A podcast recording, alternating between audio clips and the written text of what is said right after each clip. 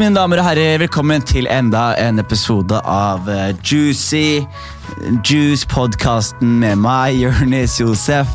Eh, og I dag er gjesten Lars Berrum, som blir veldig veldig bra. Jeg liker Lars veldig godt, og vi hadde det veldig fint og pratet om alt fra uh, Tore Sagengate til, til standup i Norge i dag, til hvordan Lars som er som alt. Alt var en nydelig prat og med en, en nydelig fyr. Ellers vil jeg bare si hvordan det går. Jeg har, jeg vil først mindre på at jeg gjør show i Trondheim nå på lørdag 9. november. Jeg woke for andre gang. Gleder meg veldig. Eh, fortsatt billetter ledig der borte, så kjøp gjerne billetter, og kom gjerne på show hvis du er i Trondheim. Jeg syns alle fra Trondheim skal ta turen, og eh, vi arrangerer også en konkurranse i anledning det. Det kommer en video på min Instagram etterpå. Eh, tagg to venner fra Trondheim som skal bli med deg på, på show. Så skal vi dele ut gratisbilletter til ti mennesker. Så det er ganske mye. Så ja, gjør det. Uansett, eh, det blir dritbra. det blir bra. Eh, jeg vil også gi en brief på hvordan det har gått med, med Tore Sagen Gate. Det var jo hyggelig med Tore på besøk i studio.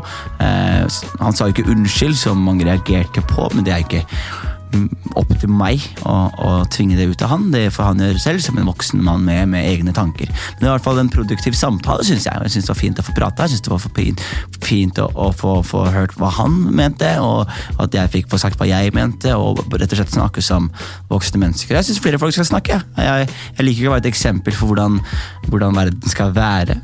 Noen ganger så må jeg være det. Noen ganger så må jeg vise hvordan uh, How you should roll. noen ganger så må jeg vise dere how this, How Noen ganger så må jeg vise dere how you're supposed to handle shit. Skjønner dere? Så yeah, it's your boy. Så jeg sitter her, jeg drikker kaffe, eh, livet er herlig. Eh, skal ikke si så mye mer. Husk at jeg også show på Sentrum Scene 30. november, og Byscenen i Trondheim 9. november. Det er det eneste viktige for meg nå, og eh, jeg håper kanskje jeg har flere lyttere. Etter, etter siste ukens sending. I hvert fall mange som har tuna inn, da. så jeg håper mange av dere som har tunet inn, har valgt å bli. Og hvis ikke dere har gjort det, så skjønner jeg det veldig godt. Så uansett, peace and love. ja. Jeg har ingen anbefalinger, for jeg har ikke sett noe fett i det siste. Jeg har sett Folkeopplysningen, eh, og jeg skulle egentlig være med i den episoden med masse sånn datamanipulasjon og sånn, men eh, nei. Jeg fikk ikke vært med. Fordi de, de bare kutta meg ut. Så det er jeg litt skuffa, så jeg har ikke giddet å sette. Så jeg gidder i hvert fall ikke anbefale Folkeopplysningen. Fuck dem. Nei da. De er bra folk. De lager bra underholdning, så se på Folkeopplysningen. Eh, kan se 18 også. En serie med unge innvandrere i byen som gjør sin ting. Jeg hadde sett den hvis jeg var dere. Utenom det, spread love. Skjønner dere? Spread eh, ah, Jeg pleide å tøffe meg på det segmentet her før, men jeg skal være ærlig med dere, folkens. Jeg har fått meg kjæreste. Så ja, jeg skal ikke tøffe meg lenger. Så jeg sier spre kjærlighet og ta vare på de du er glad i. Og eh, Så ja, mennesker, det var det jeg hadde å si. Eh, pappa, sorry for at jeg ikke har ringt deg opp igjen. jeg skal ringe deg opp igjen. Eh, ja, Det er ikke noe mer å si enn det. Mine damer og herrer, nyt Lars Berrum!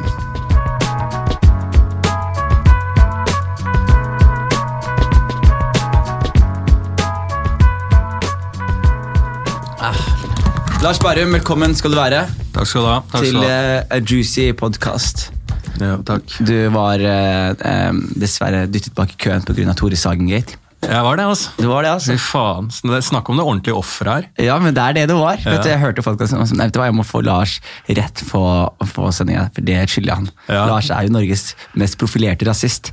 Han fortjener oppmerksomheten. Jeg gjør det, ja. Det syns ja, det. Ja, ja. For jeg, jeg, jeg hata på så å si hele Europa, jeg. Ja. Du har holdt på lenge, du. Jeg har holdt på lenge, ja. Men jeg er ikke kjent nok. det er ingen som plukker det opp. Ja, men du er offentlig person. Jeg synes, jeg synes ja. det, jeg synes ja, det er, nå, ja. Nå nylig har jeg blitt en offentlig person, ja. Fordi det er... Bruddet mitt er omtalt i media, ergo offentlig, offentlig person. person. Ja, men det er uh, den filosofiske setningen som veier roligst. Altså, jeg må bare si det. Jeg, jeg, er veldig glad i deg og Martin, men den podkasten dere gjør nå, den er jo faen meg det er den beste podkasten til lands akkurat nå. Å faen, så hyggelig. Ja, det hørtes som du skulle si noe negativt når du sier jeg er veldig glad i deg og Martin, men den podkasten dere lager Ja, fordi jeg må si at det, det hørtes sånn ut, men jeg er glad i dere, så det er, ofte så er man liksom, ja, det er biased. ikke sant? Ja, så man sier ofte sånn der, så man, man, Men det er faktisk ikke altså, Veldig mange av vennene mine har podkaster, ja. eh, men jeg hører ikke på det. Og det er ikke fordi jeg ikke har tid eller er frekk, eller, men det er bare det, er, det holder å høre de prate. Ja, ja, det holder å henge med det, liksom. Helt enig, helt enig. Eh, men, så, men det er jo bare, det, er, Den er så, så bra. Hvordan har det vært liksom, å lage den podkasten nå? Ja, det er bare gøy, det. Hvordan er det folk reagerer på det, responderer? Dere har gjort radio som før, dere to. Ja, vi har det. Vi hadde en podkast liksom, når podkast var ganske nytt. Ja, sommer... Nei, nei, den het Lars og Martin snakker om fine ting. Fordi at det, det var så mye i den der bølgen der, jeg tror det var litt da Twitter var oppe og podkastene begynte og det skulle være så hardt. Ja. At man skulle liksom slenge så mye med leppa og være så jævlig kontroversiell. Ja, så tenkte ja. vi bare sånn, er det gøy å lage motsatt, at det er to menn om fine ting. Så snakka vi om kunst og kjærlighet Var, og sånn. var det på P3? Ja, det tror jeg var på P3. Ja, Den, den har jeg hørt. Den var, litt, den var veldig hyggelig. Ja. Litt for hyggelig, Ja, nesten. den, var, den ble jo ikke populær i det hele tatt, så det funka jo ikke. Så, men nå, nå fungerer en podkast. Hva syns du om podkast-mediumet? Du som og, er, du er indie-lord nummer én. Jeg elsker det. altså. Ja, men Er det ikke fantastisk? jo, jeg elsker det. Altså, det er det beste. Selvfølgelig er det det beste. Det er altså, det er ikke noe som er bedre. Jeg er veldig veldig glad i radio slash eh, podkast-sjangeren. Uh, du klarte, ikke, du klarte ikke morgenradio, da. Du fikk jo drømmegigen, og så klarte hun ikke. Orka ikke det. Nei, nei, jeg hadde ikke sjans å stå opp klokka Jeg måtte opp klokka fem. Jeg døgna jo. Ja, helt sykt, altså. ja, ja jeg veit det. Var helt jævlig. Vi har jo en andre venner som har uh, jobbet med morgenradio nå. Ja. Og uh, alle har til felles at de, de har mistet et aspekt av livet sitt. da. Ja. Du ofrer bort Ja, ja, Du offrer bort å kunne ta en sein øl med noen som helst noen gang. Ja, men jeg trodde, altså Det går jo bare på at man ikke har helt kontroll over livet sitt. Så da jeg fikk det tilbudet, så tenkte jeg å ja, jeg sto da på en sånn natt og dag-turné. Liksom nettopp gjort det langt ute på festivalområder og tenkte fy faen, hva er det du driver med i livet ditt? Det er veldig gøy, men jeg må bare, nå har jeg en mulighet til å forandre og bli en del, en voksen eh, utgave av meg sjæl. Ja. Stå opp tidlig, eh, gjøre ting på kvelden, altså få en sånn rytme i livet. Så var det det som var forhåpningen med det. Men jeg var eh, Eh, jeg var ganske dum i den avgjørelsen. Ja. Hvor lenge klarte dere? Jeg tror jeg eh, på en måte vi, Det var krisestemning etter tre uker der. Men Var det krisestemning hos deg eller hos arbeidsgiveren din? Ja, Det ble jo hos arbeidsgiveren òg, da. Ja, De var jo som, det som foregår. Ja, men Klarte du ikke å komme de- på jobb, eller var- du bare alltid trøtt? Hva Jeg var var- på jobb, men jeg sov jo ikke. Altså, Jeg greide jo ikke, så jeg satt jo på Circle K på natta. Altså, Men faen så bra folk på Circle K, Alexander Kiellands plass. Hele stabben som jobber der, de har jeg veldig godt forhold til. da. Jeg var jo på nyttårsaften og leverte blomster til en som skulle slutte. og sånn. Jo, jo, jo. gjorde det? Uh, og jeg, når, jeg gjorde, når det ble slutt med kjæresten min og meg nå, da, nylig, som har vært et nylig brudd, Mm. Eh, da fikk jeg melding fra Circle K Kiellands plass eh, av de ansatte De der. Ja, De det? syntes det var jævlig trist. da.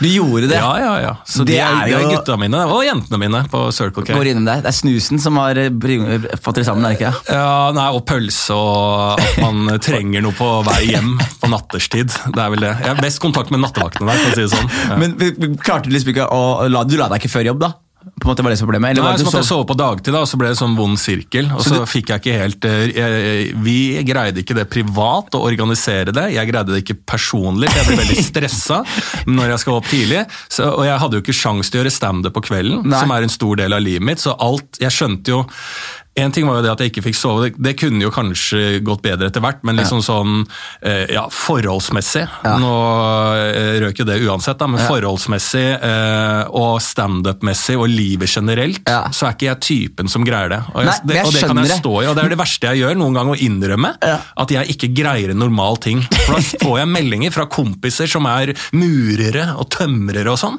og de sier 'er du helt idiot, Lars? Du må greie å stå opp tidlig'. Bare legge deg tidlig, da. Så bare 'ja, men jeg, jeg har jo lyst til å gjøre standup på kvelden'. Ja, men da må vi prioritere! Og da skjønte jeg i den pakka dette er ikke noe for meg. Men, men, så du prøv, men Prøvde du genuint å gå for teori, eh, taktikken om å ikke legge deg og legge deg etter jobb? Og sove på dagen, slik at du ikke hadde natt lenger, men du hadde dag? Ja. Og det, bare, det, det var det du gikk for? Ja, jeg gikk for det etter hvert, da.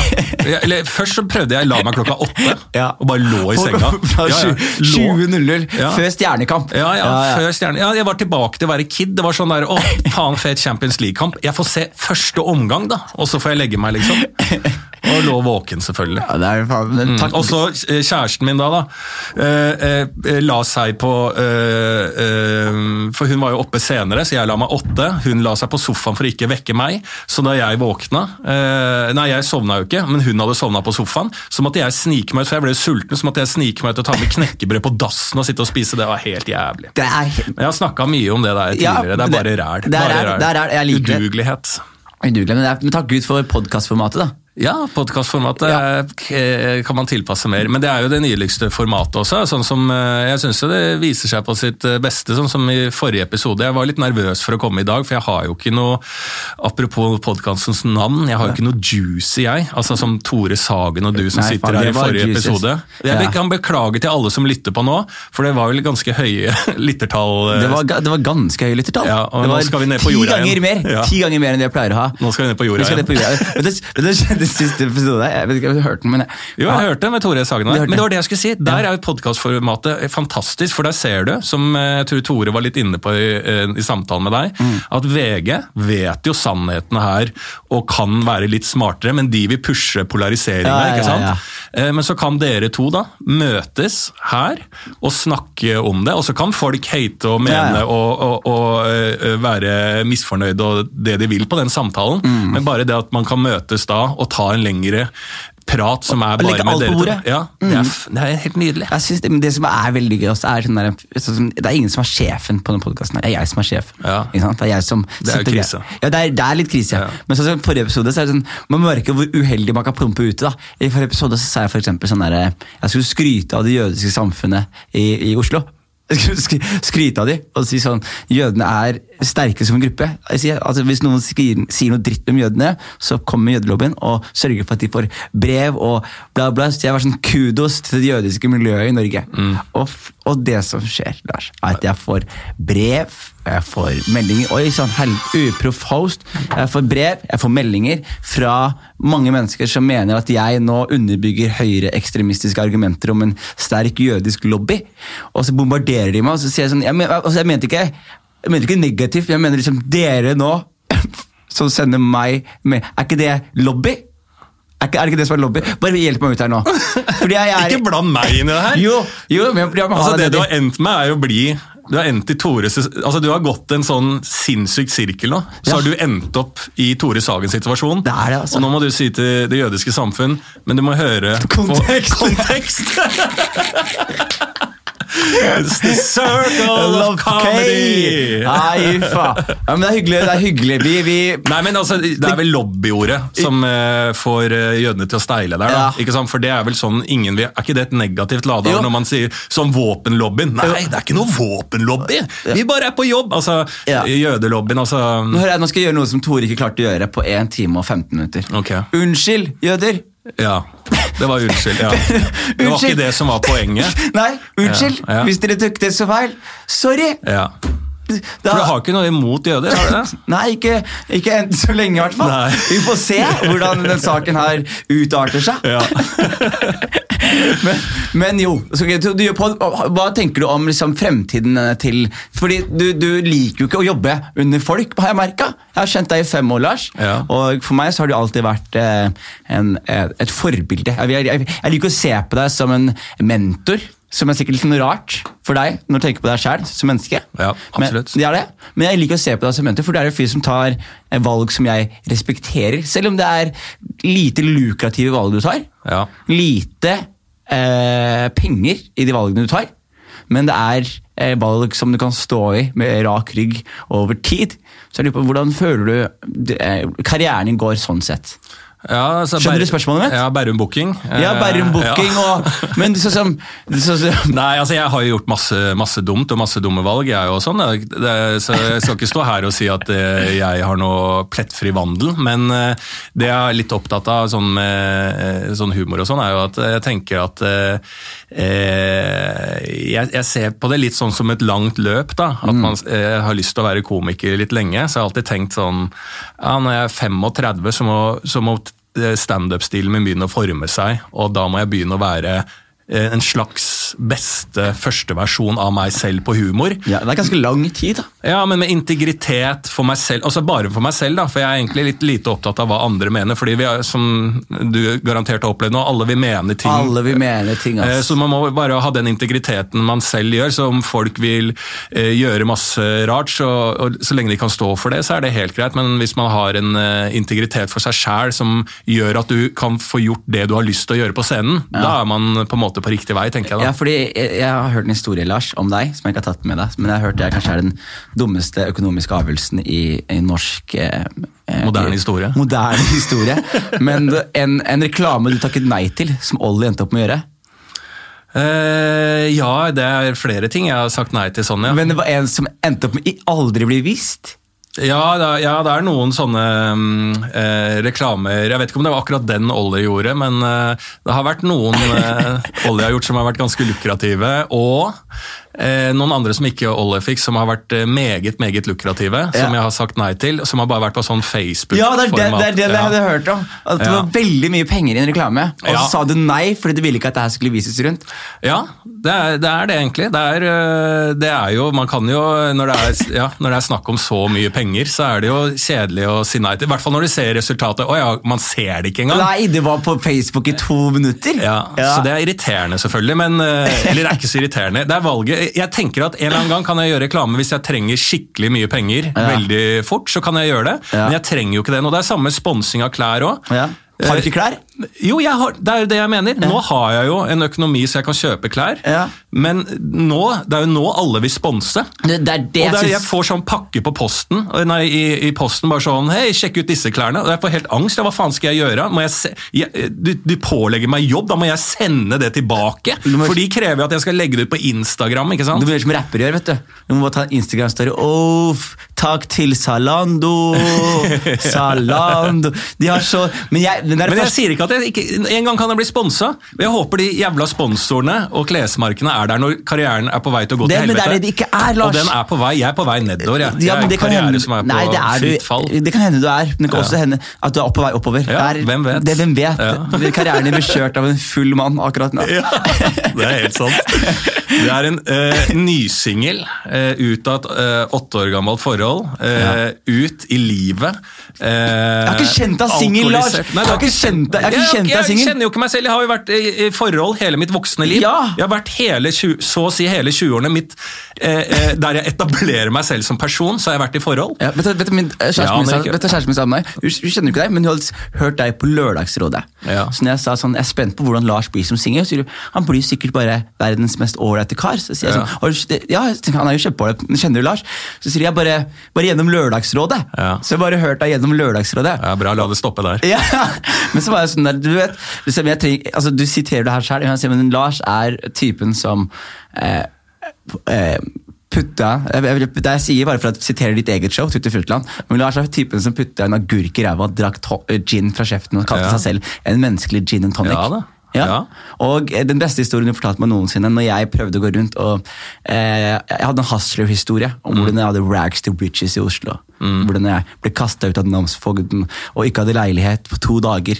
Og så kommer du over sånn, jeg hadde ikke leilighet på Hvor lang tid gikk du uten leilighet? Et Og- år. Et Ja, år ja. med Kiwi-pose Nei, med, med Ikea. Ikea-pose. Med klærne, ja. Det, det, er, det er kanskje en av de villeste eh, tingene. Ja, men da, jeg, jeg, hadde, jeg følte at jeg hadde kontroll der og da, at jeg var liksom sånn bohem og sånn. Men eh, sett i ettertid så hadde jeg ikke så bra kontroll. Men altså, hvordan, jeg gikk, hvordan, hvordan var- gikk du hjem til folk, og belaga de på at de skulle få besøk av deg? Nei, jeg bodde litt her og der, og så øh, var det til slutt så bodde jeg en uh, lite halvår på en madrass på et rom til en som het Tone.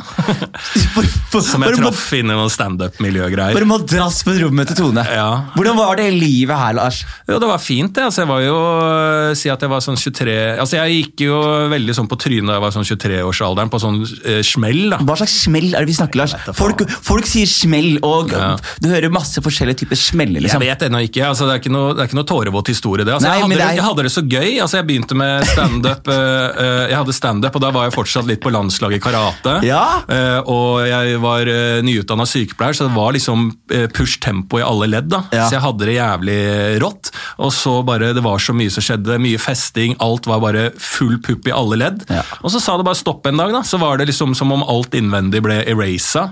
Eh, sånn der eh, panikkangst og bare sånn eh, hele den greia. Og det varte så jævlig lenge. Hvor lenge snakker vi? Ja, Jeg var kanskje Jeg var ganske fucka i hvert fall et halvt år litt over det. Et ass. halvt år hvor Ja. du bare gikk rundt og var Var, fucka, var det dop liksom. i bildet? Hæ? Var det dop i bildet?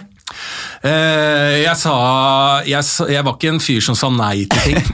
Og det er, men det var det er Oslo en by som sier 'vær så god' veldig Ja. ofte, da, tenker jeg. Ja, men jeg var liksom, det var ikke noe sånt jeg var uh, Nei, det var på- var jeg, skal- jeg har liksom. nok respekt for uh, altså Nei, det var ikke noe sånn at jeg var uh, noen eh, rusmisbruker eller noen Nei, ting. altså I det hele tatt. Jeg var en streit, fin fyr jeg, som gikk til helvete, liksom. Ja. Vanlig, vanlig person som gikk til helvete. Så det var det som overraska meg Men jeg litt. tror, ikke da. det er jeg tror ikke det var så vanlig heller. Er jeg tror kanskje du, du, du tar et inntrykk av deg sjæl som vanlig, men jeg tror det, du var jo i landslaget karate svart belte. Mm. Vant du NM?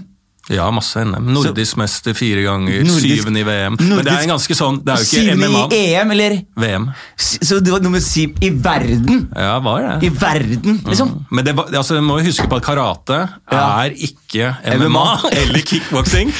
Man kan ha litt ironisk distanse til den sporten uten å bli banka. Så jeg kunne jo aldri gått med, det, med den attituden jeg hadde med karate inn i et bur og slåss med en fra Tsjetsjenia. Jeg hadde blitt drept.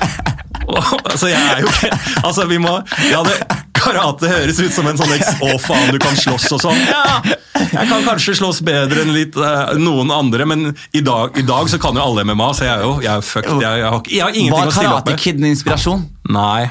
Aldri? Det var fatteren som eh, hadde drevet med det, og han ble mobba litt da han var liten, så han bare faen, du må skal slå fra deg. Og så visste ikke ikke at han skulle få en sønn som var to meter høy. Ja, jeg lagde det. han tenkte bare, jeg trengte Predator. Ja.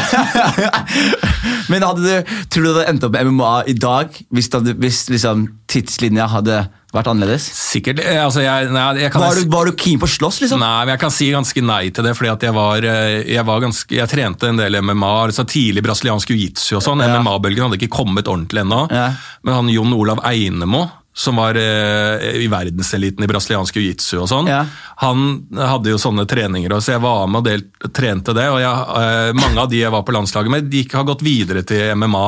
Ja. Men jeg, eh, og jeg hadde et jævlig talent for det. Eh, Ja, Scenesterk og, og sånn. Og, og høy? Ja, og- men altså, jeg, jeg, kunne, jeg kunne ikke gå inn med livet Altså, jeg kan ikke gå inn Med Jeg har for mye humor for meg. Jeg er for useriøs til å se en i fjeset og bare Ja, nå kjører vi. Og jeg, jeg, jeg har for bra oppvekst, rett og slett. Jeg kan ikke møte folk som har ingenting å tape. Men føler du ikke helt ærlig så, som, jeg, jeg, er en tynn fyr, Ja. eh, så jeg endte opp med å Jeg prøvde å trene litt, og sånn, men jeg sleit med å gå opp i vekt. Så jeg endte opp med å finne da et, et, et, et eh, oralt yrke.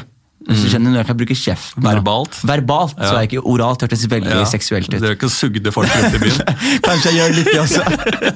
men, men Tjente jævlig god cash på å stå nede ved Akershus festning og suge av folk. Og på Sognsvann. Ifølge mye av kommentarfeltet mitt så er det akkurat sånn jeg gjør i karrieren min også. men, men, men, men jeg føler liksom at du, du, du Jeg har spilt fotball med deg også, nemlig. Ja. Og når vi spilte fotball med deg, så Jeg så for meg, helt ærlig talt, Lars, mm. at du kommer til å være en kløne.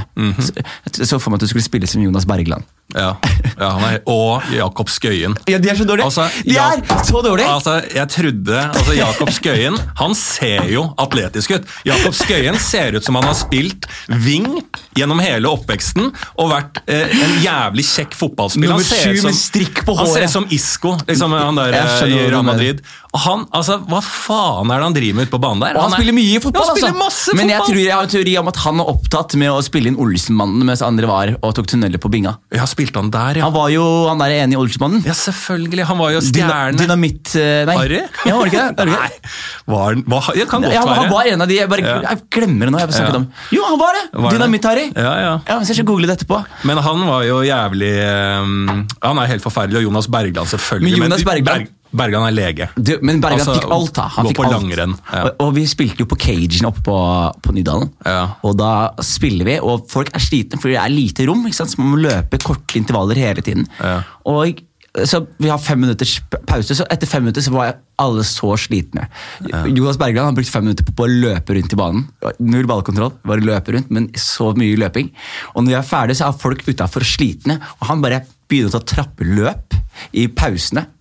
Og så går vi inn, spiller fotball, trappeløp i pause. Og jeg bare var sånn Hva er, hva er det du gjør? Ja. Han bare Ja, vi er her for å trene, da. Så jeg sa ok, du har jævlig god form, men du har ikke noe ballfølelse. Men faen så god form du Ja, har. ja, ja. helvete. Ja. Men så det jeg skulle si, er at du Jeg hater jo folk som er sånn. Som er i så god form. Ja, Bare fordi at man blir misunnelig. man blir det. Ja. Og, og du, man vet at de har liksom bedre disiplin enn deg. Bedre disiplin, bedre Respekt for sin egen kropp. Ja, respekt. Og så liksom Ja, de er bare Ja, de ligger på et annet nivå. Ja, Og du var jo jævlig god, det er liksom poenget mitt. I jeg fotball, ja. når Jeg spilte det lenge. Mm. Ja, men jeg så deg spille fotball, så jeg trodde du skulle være klar, men du bare gikk knallhardt i dueller, teknisk, skøyt hardt. Så jeg var sånn, ok, du er god i karate, du er god i fotball, du er fysisk blest. Føler ikke du at du har wastet ditt fysiske potensial? Eh, jo. Jeg har det, altså. Jeg har det ordentlig. Men altså, fotball ja, jeg, Jo, kanskje med litt mer disiplin så kunne jeg blitt noe, men jeg hadde ikke blitt noe mer enn ja, han derre Altså, det beste jeg noen gang kunne endt opp med, altså det er uvirkelig, da hadde Ja. jeg blitt Jan Koller. Ja, og det er fantastisk! Ja, det er jeg med. Ja, Men- Du mener Dortmund-legenden fra Tsjekkia, Ja. Bayern München, ja. Nei, Dortmund. Han spilte, Jan Koller spilte Bayern München òg. Spilte mot ManU i finalen. Jeg og husker Jan sånn. Køller fra, fra Dortmund. Høy, Ja. 2,10. Ja, ja, han Ja, Dortmund. Ja. Det er Dortmund, mann. Okay. Men òg eh, Det hadde jeg aldri greid å bli. Nei. Jeg hadde aldri, kanskje jeg hadde aldri greid å bli Peter Crouch, Det hadde du vel! men det jeg kunne blitt, Ja. med disiplin Det har han eh, Årøy, som spilte på Ålesund. Har ikke peiling Nei, en sånn høy fyr som spilte i Tippeligaen. Ja. Det kunne jeg blitt. Og så hvis jeg var heldig- klart! Nei, nei. Og hvis jeg hadde vært heldig, så kunne jeg fått en kontrakt når jeg var 30 år gammel med en kinesisk klubb og tjent penger. Men, men, Det du, er- det er men, du satsa, men du satsa på fotball en periode i livet ditt? Ja da. Du hadde, du hadde hoop dreams, liksom? Ja, ja, ja. ja. Ja, Kjempe. Hvor er det du, jeg innså at jeg ikke kunne bli proff når min, eh, den beste fyren jeg kjente, ikke var god nok for Birmingham. Mm. Hvordan skjønte du at du ikke ble proff? Eh, jeg ga opp da jeg ikke ble tatt med videre i Stabæk. Du- du spilte ja, for i jeg Stabæk? spilte junior elitenivå der, og da var jeg ett år der så hospiterte jeg litt med A-lag og Gjorde spilte på? Stabæk 2. Ja. Nei. Men så eh, eh, så ble jeg ikke tatt med videre, og da husker jeg at jeg var sånn eh, altså Jeg husker på en corner på trening da, Ja. når jeg ropte liksom sånn 'slå inn ballen i pikkhøyde'. Og liksom, Da skjønte jeg hva er det du driver med, Lars. Både humoren din er dårlig, og du er elendig på fotballbanen. Og så slutta jeg, men så anbefalte, anbefalte de Stabæk meg til Kjelsås. Ja. Så spilte jeg der litt. Ja. Og hvis jeg hadde fortsatt der, så kunne det kanskje blitt um, i hvert fall andredivisjonsspill. Hvordan var det å hospitere med A-laget? Så du Da Da fikk du matcha deg selv med Jeg spilte jeg, jeg var mye på benken i, med andrelaget til A-laget der. Da, ja. sånn, ja. Hvordan, men hvordan var det å matche nivå med de og sånn? da? Nei, jeg var, jeg var ikke bra. Jeg var ikke bra nok. Altså. Jeg var uh, stor, jeg var det. Så jeg var for uh, jeg, hadde, jeg har ikke noen foreldre som er fotballinteresserte. Jeg hadde ingen rundt meg som tok vare på meg, så jeg bare kasta bort et uh, talent. Eh, og så hadde jeg jo drevet med karate på, parallelt med det hele veien. Ja. Og der var jeg veldig talent der også, så da ble jeg med å kjøre fullt med karaten. Mm. Og så- midt i det her så er du sykepleier også. ja, og så begynte jeg å tulle alt det bort. Så nå er jeg verken fotballspiller, karateutøver eller sykepleier. Nei. Nei. Men kunne du blitt sykepleier på dagen nå? Eller har du Ja, ja. Ja jeg, måtte, jeg, kunne ikke gått virke, jeg kunne ikke gått inn på hjerteavdelingen på Ullevål. Liksom. Det hadde vært livsfarlig. Ja, faen, så jævlig gøy. Men, da, men hel, takk og lov, da. Nå gjør du stand. Hvor, hvor føler du du er nå, da? Så som akkurat nå, så er det sånn, du, du er ikke ansatt noe sted, er du det? Nei, jeg er ikke ansatt noe sted. Nei. i det hele tatt. Nei, Jeg føler egentlig at eh, på en eller annen sånn rar måte så er karrieren på vei nedover, men så er den allikevel litt på vei oppover. Det er en sånn der, Men jeg skjønner hva du mener. det er en tragedie på vei ned, som Ja. skaper litt interesse. Ja. altså, jeg, når jeg hadde et soloshow nå som het Tutti Fruttiland, så For øvrig sånn, var veldig, veldig, veldig bra. Det er hyggelig, men folk kommer, ser det. Og, så føler jeg, ja det sier jeg også litt på scenen, at det er liksom ikke sånn vi må se han, for nå piker han, han er på vei oppover. Det er liksom vi må se han en siste gang før han legger opp. Så det er en slags sånn rar det her før det forsvinner. ja, det er sånn rar eh, greie, så kanskje man skaper en slags eh, liten suksess på at ting eh, går til helvete. Nei, men jeg tror, jeg tror de frøene du har avlet tidlig, hjelper. da. Sånn som når jeg begynte med standup, så var du en av de første som ga meg en scene å stå på. Ja, ja. med, med, med Lokodinsdag. Stemmer. Som på sin tid var et veldig kredibelt, hipt sted. Ja, Som veldig mange mennesker kom opp gjennom. Ja. Veldig mange som debuterte der. Ja, det var det. Var det ikke det? Hvem Jo, det? Meg, Ma- Ahmed Mama, Vegard Tryggeseid, Martin Marki, hele gjengen der. Ja, Fladseth og Henrik Farley og sånn, de, jeg sier ikke at de debuterte der, Nei, men de, sto, de var med tidlig Ja, fase samme- samme i en sånn også. eh, gjeng. da. Jeg husker du, jeg møtte deg på Natt og Dag-fest, Ja. Og så var det så eh, i fyr og flamme på gulvet der. Du, Lars, du heter Lars, ikke sant? Ja, jeg driver med standup, bare sjekk ut uh, uh, Spør Amir, spør de. Jeg er jævlig bra. Book meg på. Så sa jeg ja, da kan du komme, da. Ja, fett. Jeg lover deg, jeg garanterer at jeg er helt rå. Du hadde en attitude da òg. Jeg hadde det, altså. Jeg har roet meg ned, nesten. Ja. Faen, altså. Ja, men, jeg, men, jeg Men jeg helt, liker det, da. ja, men, jeg, også men jeg skal være helt ærlig med deg. Jeg gjorde standup første gang, stand-up, så gjør jeg det på Josefines. Og det gikk så bra første gangen at jeg helt seriøst tenkte sånn Det har ikke gått så bra med noen på en standup-scene noen gang. Ja. Altså, jeg bare, jeg, bare jeg, jeg, jeg tenkte jeg er et fenomen. Du er jo det, Det ble jo det. Ja, jeg, tenkte, jeg var sånn, jeg er et fenomen. Jeg gikk rundt og bare var sånn Dette, dette er helt sjukt. Ja. Jeg bare, jeg er, altså, dette, jeg er jo helt rå på det her. Ja, ja. Og så var det sånn, det, Vanligvis folk de blir ydmyka på starten, og så jobber de seg oppover. Mm. Ja. Jeg gikk inn hardt og var sånn derre Folk må bare se meg. Ja. Det handler ikke om om jeg er god nok eller ikke. Jeg må bare få stå på Loco Dinsdag. Jeg, jeg er helt rå. Mm. Jeg, og så var det ikke før sånn 15-20-25 ganger hvor jeg fikk distansert meg fra min egen stand. Og det var sånn, ok, det er ikke så bra, men det var jævlig viktig å gå inn med den selvtilliten Ja. for min del. Fordi det, folk begynner å tro på det, vet du. Ja, ja. Men det er, jo, det, er jo, det er jo det jeg liker veldig godt, og likte veldig godt med deg òg, da. Som er noe ehm, Nå skal man jo trå veldig forsiktig her, men det er noe unorsk, da. Ja. Ikke sant? Det er jo en veldig sånn standardisert form av uh, standupen. Har jo vært veldig sånn mannstung. Mm. eh, og litt sånn type menn fra 90-tallet. og så eh, Og det er den jo fortsatt. Det er den fortsatt. Eh, liksom hvit mann, mannstung standup-scene i Norge. Mm. Eh, men nå begynner den å bli blanda litt med at folk har litt forskjellig bakgrunn. Både eh, sånn sosiokulturelt og alt det der, men også etnisitet. Og at eh, på hvert fall eh, undergrunn at det kommer litt mer eh, kvinner inn med eh, Som ikke blir liksom sånn forma til å bli noe. At det er liksom litt mer fritt spillerom og, i forskjellige stiler og sånn. Absolutt. Og det var jo liksom deg tidlig ute på å ha en sånn litt sånn unorsk Eh, ja, I sånn, dress, jo. ja, men sånn drabantby-selvtillit. Ja, ja, ja, jeg ja, jeg skjønner hva du mener. Eh, som- blokk, blokk selvtillit. ja, blokk-selvtillit, som du har liksom, eh, som du kanskje ser i norsk hiphop, da. eh, Som ligger leng lengre før standup-scenen. Og jeg syns du ser det på Magga nå.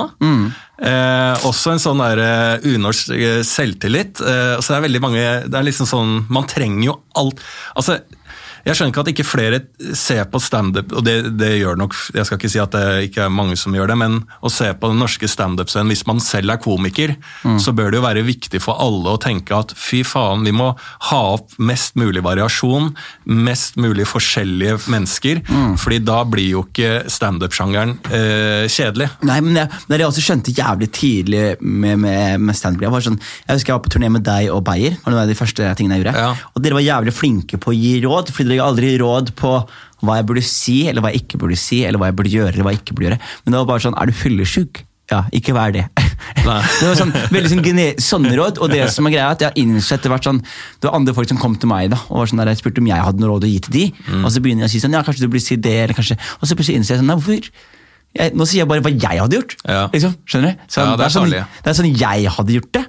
Og det er jo ikke målet det å bare ha masse folk som sier det jeg hadde gjort. Nei, nei. For jeg må jo ha folk Helst som sier ikke. Nei, helst ikke. I ja. hvert fall for, for min del. Ja, og for sjangerens del òg. ja, ikke sant? så det er viktig for, liksom, for folk til å Så jeg, synes, jeg skjønte det etter hvert. da. Mm. Men Hva, hva syns du om statusen i Norge per akkurat nå?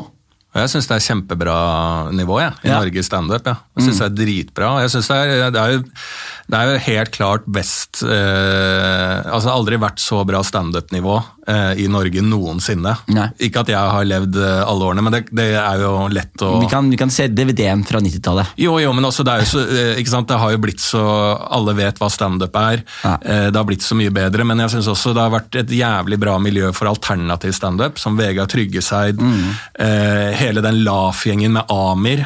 Altså, De er genier, syns jeg, men, eh, og, og det er liksom alternativbølge. Og så har du jævlig bra mainstream eh, standup i Norge, eh, som holder et kjempehøyt eh, nivå. Og så har du litt igjennom der, og så har du Dag Sørås på Kall det politisk humor, eller hva faen man skal kalle det, med en sånn Doug standup-stil. da. Eh, så det, man har liksom alt. Og se Betnér i Sverige liksom, Jeg mener jo Dag Sørås er jævlig mye bedre standup-komiker enn Betnér. Ja. Så vi har et kjempebra nivå i Norge, på, eh, og forskjellige sjangre. Men jeg føler at kanskje ikke at det har nådd helt ut i publikum, at det er såpass variert. Så litt av inntrykket til mange i publikum er at norsk standup ikke er noe bra. Og det er jo helt fair. Det syns jeg er helt fair. Mm. Men det går jo litt på at eh, clickbaits og at ting ikke blir skrevet. Det er ingen som ja, Nå er det litt annerledes med deg, men hvis det er noen som lager noe som på en måte ikke er en eh, et mainstreamt, mainstream stort standup-show i Mm. Norge nå, så gidd, og det er en kjendis, så gidder ikke media å skrive om det. Nei. Så det kommer på en måte ikke ut til folk like organisk. jeg må jobbe knallhardt for å prøve å få, få showet mitt på radaren til folk. Jeg må jobbe knallhardt med det, altså. Ja, og du er jo nå i en hype, da. Mm. Altså, Du snakka jo litt om at uh, du hadde en enorm selvtillit og bare kjørte på og det gikk jævlig bra. Jeg føler at eh, det har du gjort helt Ja. til nå. da. Det ikke, du har ikke møtt smellen din ennå. Nei, men jeg har, eh, jeg har møtt jeg, Eller jo, jeg har det, men jeg har bare kjørt jævlig bra i smellen. Jeg har kjørt jævlig bra i smellen. Jeg har bare tatt booka turer til LA og gjemt meg der en måned. Og så har jeg kommet tilbake Ja, sånn, Hvilken smell! Hvilken smell! Hvilke smell! Nei, men jeg har, det som er greit, jeg har jo jeg har hatt eh, Fordi jeg, jeg må balansere en sånn vanskelig lek hele tiden. Sånn. Hvis jeg fordi jeg har veldig ærlige tanker om ting, og jeg, jeg blir ikke så lett egentlig fornærmet. da. Selv om det kanskje virka sånn Ja. i retrospekt av eh, det som har skjedd. Men eh, vet dere, jeg merker jo sånn hvis jeg sier eksempel eh, Hvis jeg gir for faen i eh, racial issues i landet og sånne ting, så får jeg også sånn Uncle Tom-stempel på meg. Ja. Og er det én ting jeg hater, liksom, det er, sånn, det er virkelig det stempelet. Uncle Tom-stempel. Ja, sånn, det, jeg hater det sånn mer enn Du kan si hva du vil, det, bare, det gjør meg så pissed, fordi jeg er så jævlig prøver så aktivt å ikke altså, Hvis jeg har et valg, så tar jeg et valg som sørger for at det, det er minst det som skjer. da. Mm. Og så likevel så sitter folk og- kaller deg det. Og så hadde jeg for eksempel den Trygdekontoret-episoden. Ja. Eh, og det husker jeg var drit, for det var første sånn smell for min del. Da ble du eh, tatt med av at du er eh, somalisk, somalisk, og så ble jeg klippet feil. liksom. Ja. Så de putta liksom andre ord i munnen på meg. på en måte. Ja. Og de fikk på en måte nikke med på ting som jeg var uenig med. og, okay. og så, videre. Ja. så det som skjer i kjølvannet, er at det, hele det somaliske miljøet blir forbanna. Og jeg har jo ikke peiling. Jeg snakket jo med deg litt i en periode, husker jeg, men Mm.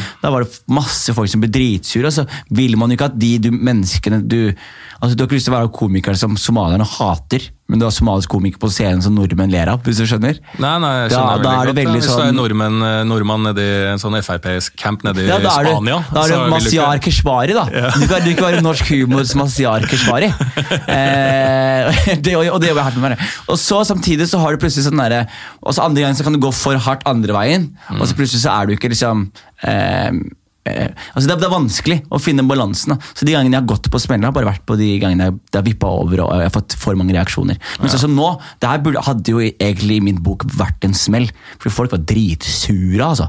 Ja, masse, altså, Tore Sagen. Tore Sagen, ja. Ja. Folk var drit, masse hets og racial meldinger og av uh, var sure. Og veldig mye støtte, veldig mye støtte også, men det var bare veldig mye alt. da. Men er det ikke der det ligger, da? At det er eh, eh, altså det er jo forskjeller på eh, meninger blant somalierne i Norge og blant utlendingene. Ja. Og så er det vel det at eh, med sosiale medier så hører man jo bare de negative tingene, da. Ja.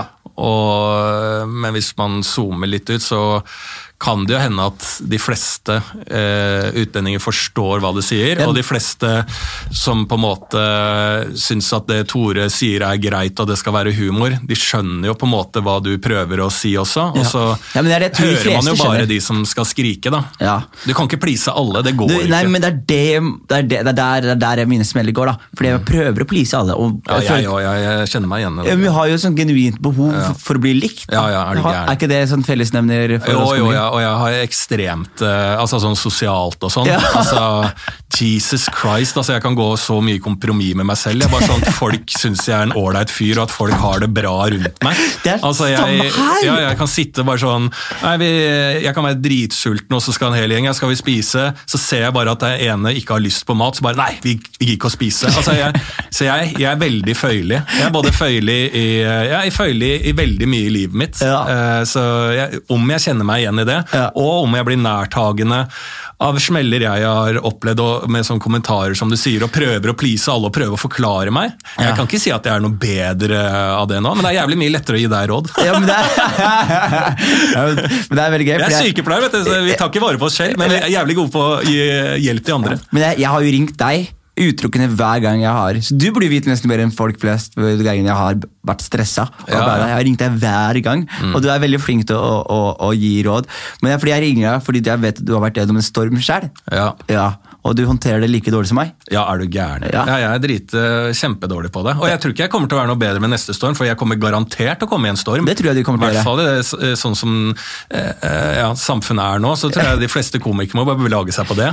Ja, det tror jeg. ja, ja, ja. Så men jeg, tror, ikke jeg er noe bra på det. Altså, jeg, jeg har lyst til å si sånn Hvis jeg noen gang kommer i en storm, så, hvis jeg ligger i senga, så tenker jeg sånn Fy faen, jeg skal bare gå rett mot. Og hvis folk truer meg, så bare Ja, kom, her er adressen min.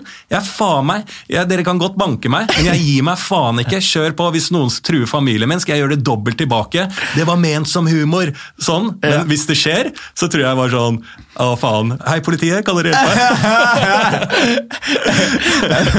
ja, det, er, det, er så, det er så rart sånn med kritikk. Altså, Beyer fortalte meg det beste tipset. Han bare var sånn der, ikke les ting.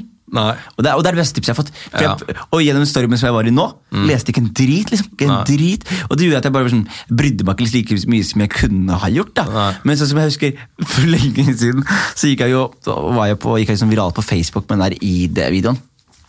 Og det er en fyr som kommenterer som, Du scroller gjennom alle de hyggelige kommentarene. alle Ja. hyggelige kommentarer. Du driter i det. Og folk som tagger og syns det er lættis, du driter i det. Du finner han der ene fyren som er kritisk. da. Mm. Ja, ja. Og så er det en fyr som har skrevet for meg en avhandling i kommentarfeltet. Oh, ja. Hvor han var sånn der, ja, dette her er slapp komikk. Eh, Jonas, du burde studere Richard Pryor, Anthony Jeselnik, Amy Schumer, bla, bla, bla. bla, bla se hvordan de yes, virkelig det var mange du måtte studere. Ja, det er, du må Veldig vidt spekter òg. Amy Schumer. Var det det? Amy Schumer, jeg husker det godt. Aim, du skal, så du skal studere Richard Pryor og, og Amy Schumer. Og Chapell og, og Burr og, Lu, eh, altså, og, Burr og Lucy Kay. Og, og Jesselnik. Han bare kasta ut alle komikere jeg mistet navnet på. Du skal studere? Ja, og så skriver han under liksom, disse komikerne her har substans, og de vet hva de driver med, bla, bla, bla. Mhm. bla, bla, bla, bla. Og lang greie. Ja. Og jeg ser på den kommentaren her, og så tenker jeg hva skal jeg Og så bare skriver jeg under. Mora di!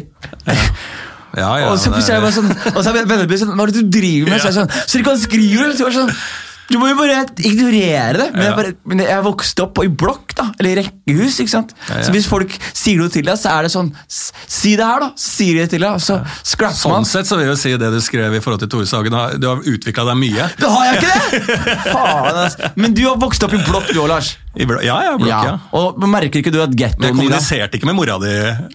Hva sa du? Jeg kommuniserte ikke med, Hvis noen sa noe til meg, så kommuniserte jeg ikke med mora di. Nei, men hadde ikke du noe eh, hadde ikke, For jeg føler at vi som vokser opp i blokk, som har Ja. hatt litt trangere eh, kvadratmeter per oppvekst, da. Ja, ja. Jeg tror at vi har en, eh, en litt mer actionfylt ungdom. Ja, det kan Er du enig i det? Ja, det kan godt være. Var du trigger-happy, liksom? Slåss du hvis du måtte? Eh, ja, som kid, ja. Ja. ja, ja, Ja, det er det jeg var mener. mye av det, ja. ja. Så det var jo Men det, ja, det var, jeg tror det er eh, Ja, nei, ja sånne, sånne prosjekter av eh, å vokse opp i steder der du liksom prøver å sette sammen ting. Bare sånn Her er noen blokker, her kan dere bo. Ja, det går. Det, går. Det er jo veldig fint, da. Det jo, veldig- jeg har hatt en kjempefin oppvekst sånn sett. Ja, men det altså, jeg på, og det er hyggelig, og du blir kjent med folk på en helt annen måte også. Men, men, men hvorfor er du i blokk? Du har jo norske foreldre, hvis jeg tør spørre. Hvorfor jeg er blokk? Ja, det er jo faen, det er jo mange nordmenn som bor i blokk. Ja, men, det men det er ofte sånn der, Nei, altså, jeg har ikke, jeg har ikke noe penger. Altså, jeg kommer fra Bærum, da. Ja. Så uh, Hvordan er det å være hvit i Bærum uten penger, da? eh, da får du mange utenlandske venner. så at jeg har litt mer penger. Ja. Vi har jo felles faktisk at vi begge to kjenner noen eh, IS-eksporter, vi.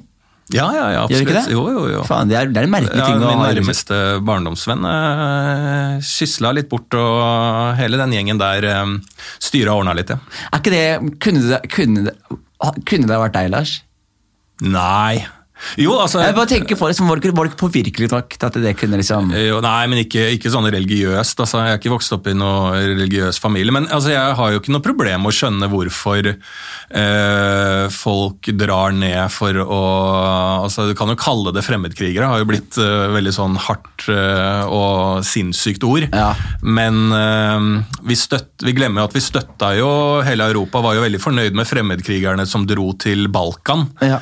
Altså, Jeg sier ikke at alle var det, men da var det jo også muslimske eh, fremmedkrigere da, vi skal ta det eksempelet, som dro ned for å støtte eh, bosnerne. stø- støtte bosnerne, bosniske muslimer. Og så, så det er jo et fenomen som alltid vil være der. og Hvis uh, ting hadde vært annerledes i Norge, og alt sånn, og hvis du bodde et annet land og så at russerne var i Norge Ja. og gjorde faen, så er det sikkert en, eh, en del nordmenn som hadde dratt tilbake til Norge. Men de som dro først på starten, de dro ikke ned dit eh, utelukkende for å krige mot Vesten. på en måte. De dro ned dit, og der høres, Nå høres jeg ut som en eh, rar fyr i, siden jeg sier dette her, men det er helt sant. altså De jeg kjente som dro ned, de dro ned for å være hjelpearbeidere. Ja. Og, og fordi det var så, for Asta drev også bomba sin egen befolkning. Husker du de der, Det var en sånn organisasjon som vant fredspris, som avdekket at uh, Assad eh, brukte kjemiske våpen mot sitt eget folk. Jeg visste ikke at de vant noen fredspris. De, men jeg- fredspris, de avdekket det, da. Okay, ja. Og så var det da, På den perioden her, så var jo hele verdensopinionen var jo veldig mot Assad. Da. Ja, ja. Og da dro også de, de folka som etter hvert ble fremmedkrigere, de dro ned for å hjelpe befolkningen. Ja. Og sørge for at de fikk mat og medisiner og hele pakka her. liksom. Mm. Og så var det da mange av disse menneskene her som ble supplert med våpen, Mm. som ble supplert med, med Som til slutt ble ISIS. da. Mm. Men det var jo altså, det var mange fraksjoner som ble ISIS til slutt. Men mange deler av disse av fraksjonen ISIS var egentlig hjelpearbeidere som kom reiste rundt fra Europa for å hjelpe til der nede. Og Det starter vel med det irakiske Saddam Hussein sitt fall også, IS-greiene. Men det er sånn det er helt, eh, jo, men det, altså, Jeg sier ikke at eh, jeg støtter eh, fremmedkrigere. Nei, det men det det hadde vært rart Men hvis jo gjorde ganske, det er ganske komplekst. Men hele greia er ganske kompleks, da. Ja. Og så er det jo et veldig et fåtall. Eh, ikke sant? Hvis det hadde vært, eh, hvis hele Europa hadde vært fylt med terrorister både fra venstreradikalt, høyreradikalt og religiøst radikale terrorister, Mm. så hadde det jo ikke gjort blitt annet enn knivstikking og påkjørsler og bomber sprengt og alt sånt. Så jeg tror eh, fokuset kanskje at man skal begynne å ha litt sånn fokus på faen så mange som ikke er det. Ja, men, ja, det Fordi at, eh, da tror jeg man kan liksom kanskje vinne eh, vinne litt mer av de som på en måte blir påvirka og ender i radikale miljøer og den type ting. da. Men, men det er media, tenker jeg. Fordi det er sånn media, de, media har jo ikke noe interesse av å ytre normale ting. Så det er jo den ekstrem høyreekstremisme eller islamisme som, som får fokus. da. Ja, ja. Man glemmer at liksom, Og når man hører de to sidene skrike hele tiden, eller man hører liksom om terrorisme her og et angrep her, eller rasisme der, eller bla, så til slutt så får man en sånn mis... Man får et sånn feil bilde av hvordan verden ser ut. Ja. Og man tror at liksom, enten er man rasist, eller så er man islamist. da. Altså man, man glemmer at liksom, folk er ikke Altså folk flest er jo ikke det. Ja. Og så tror jeg liksom sånn, Hvis vi skal ta det tilbake til sånn som med krenkebølgen som alle snakker om Yes. innen humor, da, så er det bare sånn Å, hva skjer med dagens samfunn og dagens unge og, og voksne, da? Men jeg mener jo at det er jo bare Det er noe som alltid har vært der, egentlig. Men nå har folk fått en stemme, da. Ja. Gjennom kommentarfelt, gjennom egne blogger, gjennom eh, Facebook-innlegg og sånn. Så folket har nå fått en stemme. Og jeg tror liksom det var før den tid så tror jeg det var like mange som var helt i harnisk over humorprogram back in the days og mm. ting og tang. Men nå eh, kastes jo eh, klipp ut her, der ting tas ut av kontekst eller hva som helst. bare fjerne, og da er jo, og Når alle har en stemme og vil bli hørt, og jeg tror alle mennesker har et behov for likes, delinger, og at din mening eh, blir lika av andre. Ja. Ikke sant? Det er jo helt sinnssykt. Er, er det rart hva slags verdi det har fått? jo, men tenk deg det, da. Altså, Du og jeg vi står på scenen kanskje hver dag en uke. Vi, vi, vi, vi lever av at eh, to til 300 Klapper. eh, klapper og ler. Og eh, legger man ut noe på Facebook Jeg sier ikke at jeg har supermye følgere, jeg vet ikke hvor mange følgere du har, du har sikkert mer enn meg, men når vi legger ut ting der, så går likesa, liksom. Folk ler, man får respons umiddelbart. Snu deg til eh, sidemannen eller sidedama på gata, da, som har eh, et eh, de, Det er jo ikke rart at folk tar en selfie i senga som er helt idiotisk, der puppene vises lite grann, eller at en gutt bare Åh, god morgen, og så har han genseren oppe og viser litt av sixpacken, sånn tilfeldigvis. Ja. Det er jo ikke rart! De har jo et helvetes behov for oppmerksomhet, de òg. Men de går jo på en vanlig jobb hver dag og blir ikke hylla og klappa frem overalt. Altså, jeg- må, jeg forstår det. Ja. Provoserende når Atle Pettersen skal vise sixpacken sin. Du får oppmerksomhet. Det er provoserende. Men at eh, Torgeir, eh, eh, rørleggeren fra Hønefoss, har lyst, til, ja, har lyst til å stramme bicepsen litt i et vanlig random bilde Du får applaus av meg. Jeg skjønner deg, bro. Jeg skjønner at du må gjøre det, og jeg unner deg litt flere likes. Ja. For, Ja, det er en ny vinkling til det her. Du, du er ikke, jeg har vært litt så negativ til at folk vil ha det oppmerksomheten, men jeg ser den. ja, selvfølgelig, men tenk deg, da. Ja. Tenk deg hvor mye narsissistisk du er. Og Og jeg mye er så narsissist. Ja, ja, jeg òg. Altså, det, det handler bare om meg, meg, meg. Ja. Hvordan kan eh, jeg står opp, hvordan kan jeg gjøre det for å, å få en bedre eh, karriere, som vil si da at flere folk liker meg. Lik meg, lik meg, lik meg. Jeg står hver dag, våkner opp, skriker 'lik meg, lik meg, lik meg'. Ja. Og så greier jeg til og med å uppe gamet, men lik meg på riktige premisser. Altså, Hvor syk i hodet er ikke det? Hvor psyko? Du må jo begynne å se seg sjæl i speilet. Og Lars, det her er så bra selvransaking at jeg føler meg selv guilty her. Ja, Lik meg på riktige premisser. Ja, ja, ja. Der sa du en jævlig fin ting. altså. Fordi det er akkurat det også, Jeg vil bli likt av alle sammen, men samtidig så vil man jo være litt sånn tøff. Man vil, kunne, ja. man vil kunne si ting som tør, ikke- folk, folk, folk ikke tør å si.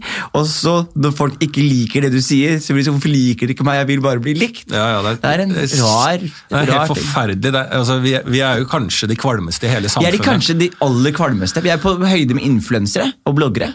Ja, om ikke ja, verre. Ja, om ikke verre. Ja. Beyond, liksom. Ja. Uh, så nei, det, vi, er, vi er helt krise. Så det, det er ikke noe man, Det må man alltid huske på. Det må, Eh, det må man. Ja. Og det morsomste er når man reiser sånn som jeg har begynt å gjøre det mye igjen nå, da. Men å, å stikke på klubb igjen. Liksom. og så ser man, så ser Mm. Altså man komikklubb? Ja, Ja, standup-klubb. Og så ser man liksom Ikke disko. Nei, ikke, ikke Villa. Du skal begynne å klubbe igjen. å klubbe igjen. Nei, eh, men vet dere, Hvis man går på standup-klubb, sånn, så, så går man backstage så ser man nye komikere. Jeg vurderte faktisk nå for her å dra på Villa. Du- Men jeg, kunne ikke dra aleine på Villa. Du Altså, da, kunne- da er du altså- singel, altså. Ja, da er du singel, altså. Altså, det er egentlig ganske vanskelig for meg å drive og sondere når blir jeg trist. Altså, hvordan, øh, igjen, hvordan ser folk på det her? Altså, for jeg, jeg, jeg har det kjempebra, jeg er ikke trist. Man hadde sett deg danse alene på Villa, Ja, så hadde jeg tenkt det er noe alvorlig gærent med mannen der nå. To meter høy og raver til den samme takta Ja, to over timer. 30 år gammel. Over 30 år gammel. Altså, jeg er ikke langt unna å være kjempetrist. Altså. Nei, nei, nei. nei, Det er det jeg mener. Hva faen, nei. Er jo standup-klubb, faen. Og så backstage standup-klubb. Halvfeit over 30 med måne, står mi, to meter høy, Lars- står med midt på, på, på villa og danser. Altså, Da må du ringe meg og si 'Lars, get the fuck out', sett deg på en brun pub. jeg skal gjøre det, Lars, men Ja. du skal vite, du, du ser ned på deg selv. Du er, en, eh, du er eh, penere enn oss komikere. Du er en høy mann. Du, Ja, jeg er jævlig heldig med høyden, heldig men med eh, høyden. alt annet eh, Nei, du, ser, og du ser bra ut, og jeg antar alltid antatt at du har en eh, Sikkert derfor du, du, Jeg tror det er veldig mange som antar at du har noe stort med stell. Stort. Stor, stor penis. Stor penis? Ja, jeg ser for meg vet at du ikke, jeg tror Den er ikke liten, men det ikke, jeg har ikke noe, har ikke noe Altså, ikke- tenk at det er relativt i forhold til beina dine. Det er ikke mamba. Ja, men hvis, du, hvis, jeg hvis jeg får Ja, din for har på for min bein. ja, hvis jeg får din på min kropp, da, Ja. da tror jeg vi Da snakker er business. fin, ja, ja. Ikke sant? Så, Jeg, hadde, jeg har en sånn standup-vits om det at jeg måtte utvikle sånn metode eh, som jeg kalte PIP, altså penis i perspektiv. Når jeg tok av meg buksa det var veldig tidlig i karrieren min. Så Hver gang jeg tok av meg buksa, for folk trodde alt siden jeg var så svær at jeg hadde så stor penis, men så så sånn så liten ut i forhold til beina mine, for de er så lange. Så jeg måtte alltid ta av meg buksa i one night stands ved siden av eh, nattbordet der det var en lampe, eller noe sånt, sånn at de kunne få se penis i perspektiv med noe annet enn beina mine. holder en bok oppe tilfeldigvis ved siden av. Er det her Paulo Coelho, eller? Er det Men det jeg skulle si var, ba- Backstage standup-klubben så ser du nye komikere som er på vei opp. Og det som er så gøy med å se de nye komikere som er på vei opp, at du ser bare sånn, de er på starten av dette behovet for å bli likt. Skjønner du? Sånn, jeg hadde, jeg, før jeg begynte med standup, du kan scrolle ned på bunnen av Instagrammen, og så kan du se sånn 17 likes, 20 likes. Ja. Og bare sånn Jo, da skal jeg gjøre standup! Og, Ja. og, prøvde- og, så, ja, og så er det de samme vennene som hele tiden sånn Likes! Og så, Isak og aksjemeglervennene dine. Liksom, bare, kjempebra! Kjempebra! Kjempebra. Og så er det begynt å tenke på i det siste sånn derre Hvis man legger ut Her, her er det sjuke behov for å bli likt. da. Man, Mm. man kan legge ut et innlegg. Nå har jeg jo eh, 16 000 følgere på Instagram. Ja, det er, jo, det er jo ikke mye i perspektiv når man tenker på liksom, de som lever av Insta. Sånn. Men for meg så er det 16 000 mer enn jeg føler burde hatt. da. Og når jeg legger ut ting, skal jeg legge ut et bilde, så vet du at det kommer automatisk et par hundre likes. da. Hva er det jeg gjør? Jeg scroller gjennom like-lista. Bare ser hvem Og så tenker Lars kanskje likte en annen.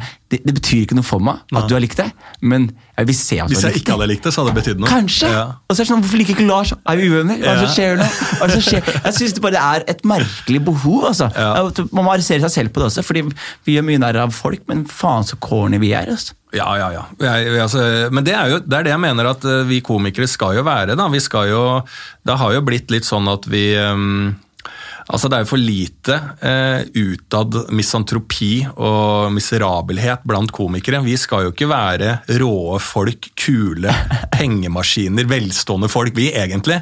Vi er, altså La oss være ærlige. Det skal være ned i gjørma med noe Agurk i ræva. Agurk i ræva og singel eh, over 30 år og singel. På eh, villa. Ja, på villa. Det er jo der vi egentlig skal være. Og det er mange som er der. Og folk kommer. Vi, vi kan gjerne late som at de kommer fordi at vi er så jævlig kjekke og kule på scenen der. De kommer for å le hvor dumme, dumme, dumme Og så mennesker går vi de er. tilbake til Vi sitt er vanlige liv. vi er Vi gjøglere. er akkurat det vi er. Og, ja. og vi føler at vi er så fete. Vi er Ja, ja. backstage. Og vi spør, «Å, går bak. Jeg drepte det. Ja. Zoom ut, av Hvor fet er den backstagen? Bare skitt- Skitten, skittent rom med, Med noe tagging stoler. på veggen med to stoler. Og så bare Woo! Vi har fått gratis sixpack, og så får vi halv pris på de andre ølene. Ja, og så, og så er det sikkert de folka som kommer på showet, som vi ser på som publikum. Ja. De reiser hjem, de, og så Ja. går de til jobben sin og samboeren sin og har et helt normalt liv. Ja, hvor vi bare var noe de gjorde én gang på et halvt år. Nå skal de bare se litt, La oss se litt av den der standup-greia. da. Og vi, for oss er dette her blodseriøs business, og han er kred, og han er ikke det, og han er det. Ja, fy faen. jeg, Jeg er... sett på standup som det kuleste man kan gjøre. der. men jeg begynner å, å få litt tvil nå. Det er det tristeste man det kan trist. gjøre, egentlig. Men hva er drømmen din om, om ti år? Eller hvis du kunne designe et perfekt karriere om 15 år, hvor sitter Lars Berrum? I et- Ikke til villa, ikke på det villa. Ikke på det villa. Nei, da vil jeg være et hus uh, oppe i Lommedalen, oppe i skauen. Har du dyr? Har du dyr? Ja, kanskje. Nei, ikke dyr. Høns? Men, nei, ikke noe, ikke noe sånt. Men bare et sånn uh, ingenmannssted Ja. sammen med en kjæreste. Ja. Og så lever vi lungt der, for jeg, får jævlig, jeg setter opp ett show annethvert år. Ja. Som jeg tjener så mye penger på, fordi at alle vil se det showet. Tar Dagfinn Lyngbø? Ja, Dagfinn Og så bare gjør jeg det showet, og så lever jeg og kjæresten min på de pengene, og så har vi noen sånne hobbyer. Altså, Så koser vi oss bare i livet, Ja. og så skriver man på et nytt show, og så chiller vi der oppe. Så kommer du inn til byen. Så kommer jeg inn til byen. barberer meg. barberer både ryggen og, og pungen, og drar til byen og leverer det showet. Det er faen. Tror du, tror du standupen kommer til å Tror du, det er en, tror du vi er i en boom, eller? En fake, for Det var en boble. Grunnen til jeg Ja. sier boble for publikum hører på nå, men i, i New York da, så hadde de en bobleback, en standup-boble som sprakk. da, Mm. Ja. Hvor alle sammen var sånn standup, standup, standup, standup, og så begynte flere og flere å stå, og så var det flere og flere som levde av det, og så var det flere og flere klubber som åpna, og så plutselig Mm. så var det ingen som brydde seg om standup lenger. Og så forsvant bobla, og kun de beste komikerne levde videre. Men Ja, jeg, jeg, har, jeg har følt lenge på det altså, i Norge. Jeg tror liksom noe som kan framprovosere der, at uh, nå er det veldig mye penger å tjene i standup. det er så mange som ikke driver med standup, kommer inn og gjør standup. Ja, så det er mye av liksom etablerte komikere og kjendiser og ikke-komikere som har bare på ok, Om det ikke er rent standup-show, så selges det inn som standup. Det er Truls Svendsen, Soloforestillinger. Ja, ja, Ja. ja, for eksempel. Og så blir det masse sånne typer show, og da slår det en sånn inflasjon. Og veldig mye humorgallaer. eh, Det er småklubber overalt. Alle setter opp standup. Alle scener i byene Bergen, Oslo, Trondheim, Tromsø. Alle trenger eh, ting å ha på scenen, så det blir jævlig mye standup. Så det kan godt hende at det sprekker og sånn. Og så se på Fringe-festivalen, som er verdens største humorfestival Ja. i Edinburgh. Jeg har ikke vært der ennå. Jeg skammer meg. Jeg skulle egentlig komme dit i år og se på dere, men jeg hadde jo passtrøbbel. Hvorfor kom du ikke fortelle? Har Jeg- du fortalt det? Jeg, jeg har fortalt eh, jeg, jeg hadde pass som jeg hadde mistet. Og så fikk jeg nytt pass, og så kom jeg til flyplassen med mitt nye pass. Og så viser det at jeg har ikke med mitt nye pass, jeg har med mitt gamle pass, men jeg har meldt savnet. Og da sier politimannen til meg det passet her er meldt savnet. Og jeg prøver å være morsom og sier sånn, ok, men da vil jeg melde det funnet. Og han er sånn, Det er ikke sånn den prosessen her fungerer. Du kan ikke fly. Og så sier jeg vi er i Europa. Han bare nei, det er ikke Schengen. Tydeligvis. Jeg trodde det var Schengen. Schengen? Ja, Schengen. Schengen? Schengen. Det var litt litt helvete, men jeg skulle se dere på Fringe. Så Ja. hva- skulle du si om Fringe? Jo, det jeg skulle si, som er da, ja, verdens største kulturfestival med liksom med standup og alt sånn. Eh, Og Der ser du liksom de litt eldre etablerte standup-komikerne som alltid har vært hits der nede og sånn. Ja. Nå er det på en måte mer sånn litt alternative former for standup, som blir også de Så mainstream-suksessene. er det og sånn, eller? Jeg orker ikke det, Lars. Jo, litt sånn monologforestillinger. Litt sånn Jordan Brooks, som var den beste, som kommer på Crap og på Parkfestivalen eh, i slutten av eh, siste måneden, siste helga i januar. Det, må dere sjekke ut. Alle som hører på det her, dere må det. Martin Meyer-Olsen setter opp Ja. med Rolf. Ja, Rolf? Magne og Rolf. Finn. Og de Ja. setter opp eh, en crap oppå Park. Jeg hadde gleden av å stå der tre ganger. Alternativ Fantastisk. humorfestival på Alt- Parkteatret. Parkteatret. Det er slutten av januar pleier å være. Kommer masse forskjellige folk. Tiårsjubileum, så det kommer masse kule internasjonale folk. Og Jordan Brooks vant prisen for beste act der nede. Og hvordan var den acten? Jo, den er, Han kødder veldig mye med opplevelsen av å være på et soloshow og standup-show. Så det er, det er nesten umulig å beskrive. Det er veldig veldig, veldig gøy og fantastisk bra. Ja. Eh, men det er mer og litt sånn duo-ting. Jeg har hørt sånn fra Det var egentlig det som var hitsene i, eh, på den festivalen. Duo-ting? Ja, duo-ting. Litt sånn bits, litt annen type. Den tradisjonelle standup-stilen var liksom ikke det som var best eller slo an. Nei. Eh, og det er i hvert fall sånn som Viggo Venn og sånn, Ja. som er en norsk eh, jævlig bra komiker. Herlig fyr. Han har jo vært mye ute og reist og er i LA, og han gjorde en kjempesuksess på Edinburgh Fringe-festivalen. Og han sier også at det er veldig interesse for det litt mer klovne, moderne klovnebaserte bits og humor og sketsjeri. Ja, men jeg tror, Altså det går, tror det går tilbake. Ja, moderne greie. Fordi jeg husker liksom, når, jeg på begynte, når jeg begynte med standup sånn i, Oslo, i Norge, så var det sånn, det var veldig kult. Jeg skulle bare, du skal holdes cleant. Ja. Fucking mygg. Det er ikke noe Ja. TED Talk. Det her Det er mikrofon, Det scenelys, scene. Mikrofon, scenelys, scene. Ja. Og så på det, skulle jeg jobbe med det woke-showet nå. Mm. Og så tenkte jeg sånn Jeg, jeg har lyst til å ha en sånn flott intro. Sånn puff, bravado. Sånn Cat Williams-intro. Ja. Så tenkte jeg sånn, nei, jeg kan ikke gjøre det. Jeg må det Every day I'm hustling, ja, hustling. ja, men det sånn det Beste som noen gang har skjedd en standup-scene. Cat Williams. Cat, altså. Cat Williams sine åpninger. Ja, den, hvis du ikke har sett den, så må du se den på YouTube. Søk den McDonald's, heter åpninga hans. Ja, fy faen. Fy faen. det. Even if you work at McDonald's Every day I'm hustling, hustling, hustling, hustling. Nei, den er jævlig bra. Men altså, hadde den så Sist jeg så den, så hadde den sånn derre det, liksom, det er helt sjukt. Det er dansere på scenen, det er røyk, det er en løve i et bur. Løve der er aggressiv i buret, og Cat Williams går ned og så tar han på buret. Så kommer det sånn røyk, og plutselig så får han en sånn hvit jakke som er i fargen til den løven. Til løven er borte. Så han har liksom fått på seg løven som jakke. Så har han på seg en pelskåpe til kanskje faen meg 300 000 kroner. Og, bare, og, da, og så det er bare dansenummer og alt i gang. Og så plutselig er det sånn Ja, det er én måte å starte et show på. Det er en måte, en annen måte er sånn Ladies and gentlemen, Louis C.K. Ja. Så går han på scenen med en svart T-skjorte, mikrofon. Og det er det som Og Richard Pryor, liksom. Og de. Richard Pryor. og så det, men det er det jeg har hørt er Men kult, tenk da. hvor mye, ja, ja, det er det som er kult, men tenk hvor mye sånn som vi snakka om med, med norsk standup. Å få inn unorskheter og få inn eh, eh, folk med annen tankegods og fra andre miljøer og sånn. Mm. Hvor viktig det er. Tenk på liksom sånn, ok, Du kan si at Cat Williams sin åpning er jo ekstrem. men Det kommer ut fra det afroamerikanske Mm. Standup-miljøet. Det kommer fra flekse, liksom. Ja, og tenk hvor mye det også har påvirka hele humorsjangeren på scenen i USA og i resten av verden. Absolutt. Og så er det liksom kontraster der òg, da. Men det er, jo det, det er jo det vi må ha i Norge det til enhver tid. Det er det, vet du. aldri monogamt, er det ikke det? Jo, man må ha forandring, man må ha det bra. Nei, jeg, syns, det er bra, og jeg syns det dere gjør på den nye scenen, er jævlig bra. Jeg, det jeg gjør jo show der på, på hangover-showene, Ja, ja, og jeg syns det er gøy, men jeg syns samtidig det er, sånn, det er gøy og jeg, og jeg har liksom alltid håpa på en sånn scene, men jeg, jeg synes det er veldig fint å ha et sted hvor du bare vet I går var det noe helt annet her. Ja. I morgen er det noe helt Ja, annet som skjer. Ja, og i dag så skjer det her. Så det er bare variasjon i forhold til hva som skjer der. Og det er forskjellige typer mennesker som kommer dit. Og jeg tror liksom mer sånne ting er det som kommer til å, å få sjangeren til å leve. Og jeg tror liksom mer gallaer og mer liksom eh, eh, eh, som fortsettelsen. Altså, jeg tror liksom, Hvis man fortsetter med det nye gjør, så kommer standup-sjangeren i Norge til å være voksne lenge og introdusere mennesker til nye ting. Men jeg tror så lenge folk får presentert det samme om igjen og om igjen, om igjen, så kommer det til å bli en, at man blir lei som et folk. Og så er det jo sånn som eh, vi har snakka litt om tidligere også, så når det var den humorprisdebatten, da, Ja, fy flate. eh, eh, så skrev jeg en greie på Facebook om det, som går litt på det samme. At jeg tror at det er et fett hvilken scene det er. ikke sant? Vi har Latter, som er på en måte et kjempehus, etablert standup-scene for show for hele landet som kommer dit Ja. og får god underholdning. sant? Men så trenger man noe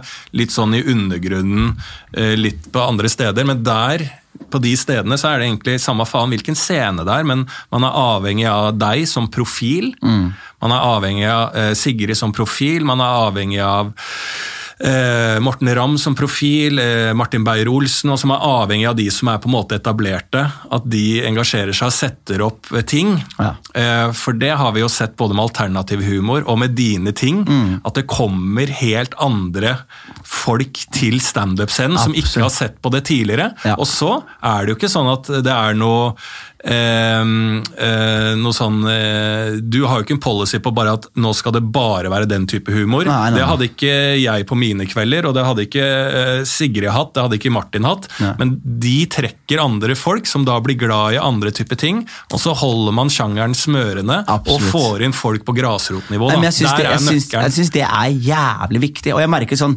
fordi det, det, Jeg husker sånn, jeg kom opp, så var det, var det en annen innvandrerkomiker som eh, var redd jeg skulle ta plassen hans. Var det Altså, det, ja? Ja, ja. ja. Altså, sånn, Bro, jeg har ikke tenkt å ta altså, plassen din. Ja. Det går først og fremst det Ja, er for det er sånn at dere innvandrere er helt like, ikke sant? ja, ja, ja. Det er helt like. Det er én om gangen. Så sa jeg da når han har ferdig å tjene pengene, så er det Abus sin tur. Ja. Og når Abu har ferdig å tjene pengene, så er det min tur. Ja, ja. Men jeg, jeg, fikk i hvert fall sånn, Han var redd for at jeg skulle ta plassen hans. Men det, sånn, hør da, bro, det, ikke, det handler ikke om å ta plass. liksom. Nei. Det handler om jo flere Spesielt jo innvandrere vi er, jo mindre innvandrere må vi være. Ja. Da, kan du, da, da forventer folk noe annet av deg. Ja, og det er se bare, bra. det- se, tenk deg, så Ta tre innvandrere på rappen her. Standup, Maggan, deg og Ahmed. Ahmed. Ahmed. Helt forskjellige alle sammen. Jesus Christ, så forskjellige komikere det er. Og ingen av dere komikere handler om etnisitet, hvor Mm. dere kommer fra annet enn morsomme vitser, og helt vidt forskjellige komik komik komiske stiler. Ja, det gjelder på kvinnelige komikere òg. Ja, er Helt forskjellige. Og, det, og det, er, det er det jeg også merker. Og det merker Og som- hele problemet med, som har vært litt sånn på eh, Som ikke er nå lenger, men som var for en del år siden, at mannlige heterofile hvite komikeren ble litt for like. Ja. Men det er også begynner å eh, Så derfor mener jeg at det er på det beste noensinne i Norge akkurat nå. Ja, men Det tror jeg på. altså. Jeg tror, jeg tror vi gir oss på den. jeg. Ja. Det var helt nydelig. Lars Berrum, tusen takk. Jeg vil ha deg på besøk senere også. Men du er alltid nydelig gjest. Eh, Har du noe du vil plugge? Jeg pleier alltid å avslutte med en liten plugg. Nei, bare Ok, Da plugger jeg for deg. Ja. Tutte Fruttiland. Det, du gjør det litt igjen, gjør ikke det? over nyåret? Nei, jeg tror jeg er ferdig nå, altså. Er du helt ferdig? Ja, det var liksom et sånn kapittel eh, Nå er jeg singel. Det var et eh, show som er bygd liksom på det, det livet jeg hadde der jeg var, Ja. og noe som jeg var forbi. Så jeg føler sånn Nå er det ferdig, men jeg har filma det, så jeg skal slippe det på YouTube. Så da kan du se det der. Det er dritbra. Så ser man det, eh, og sjekk definitivt ut podkasten Bærum og Beyer snakker om greier. Ja. Yes. Lars, tusen takk. Ha det. Ha det.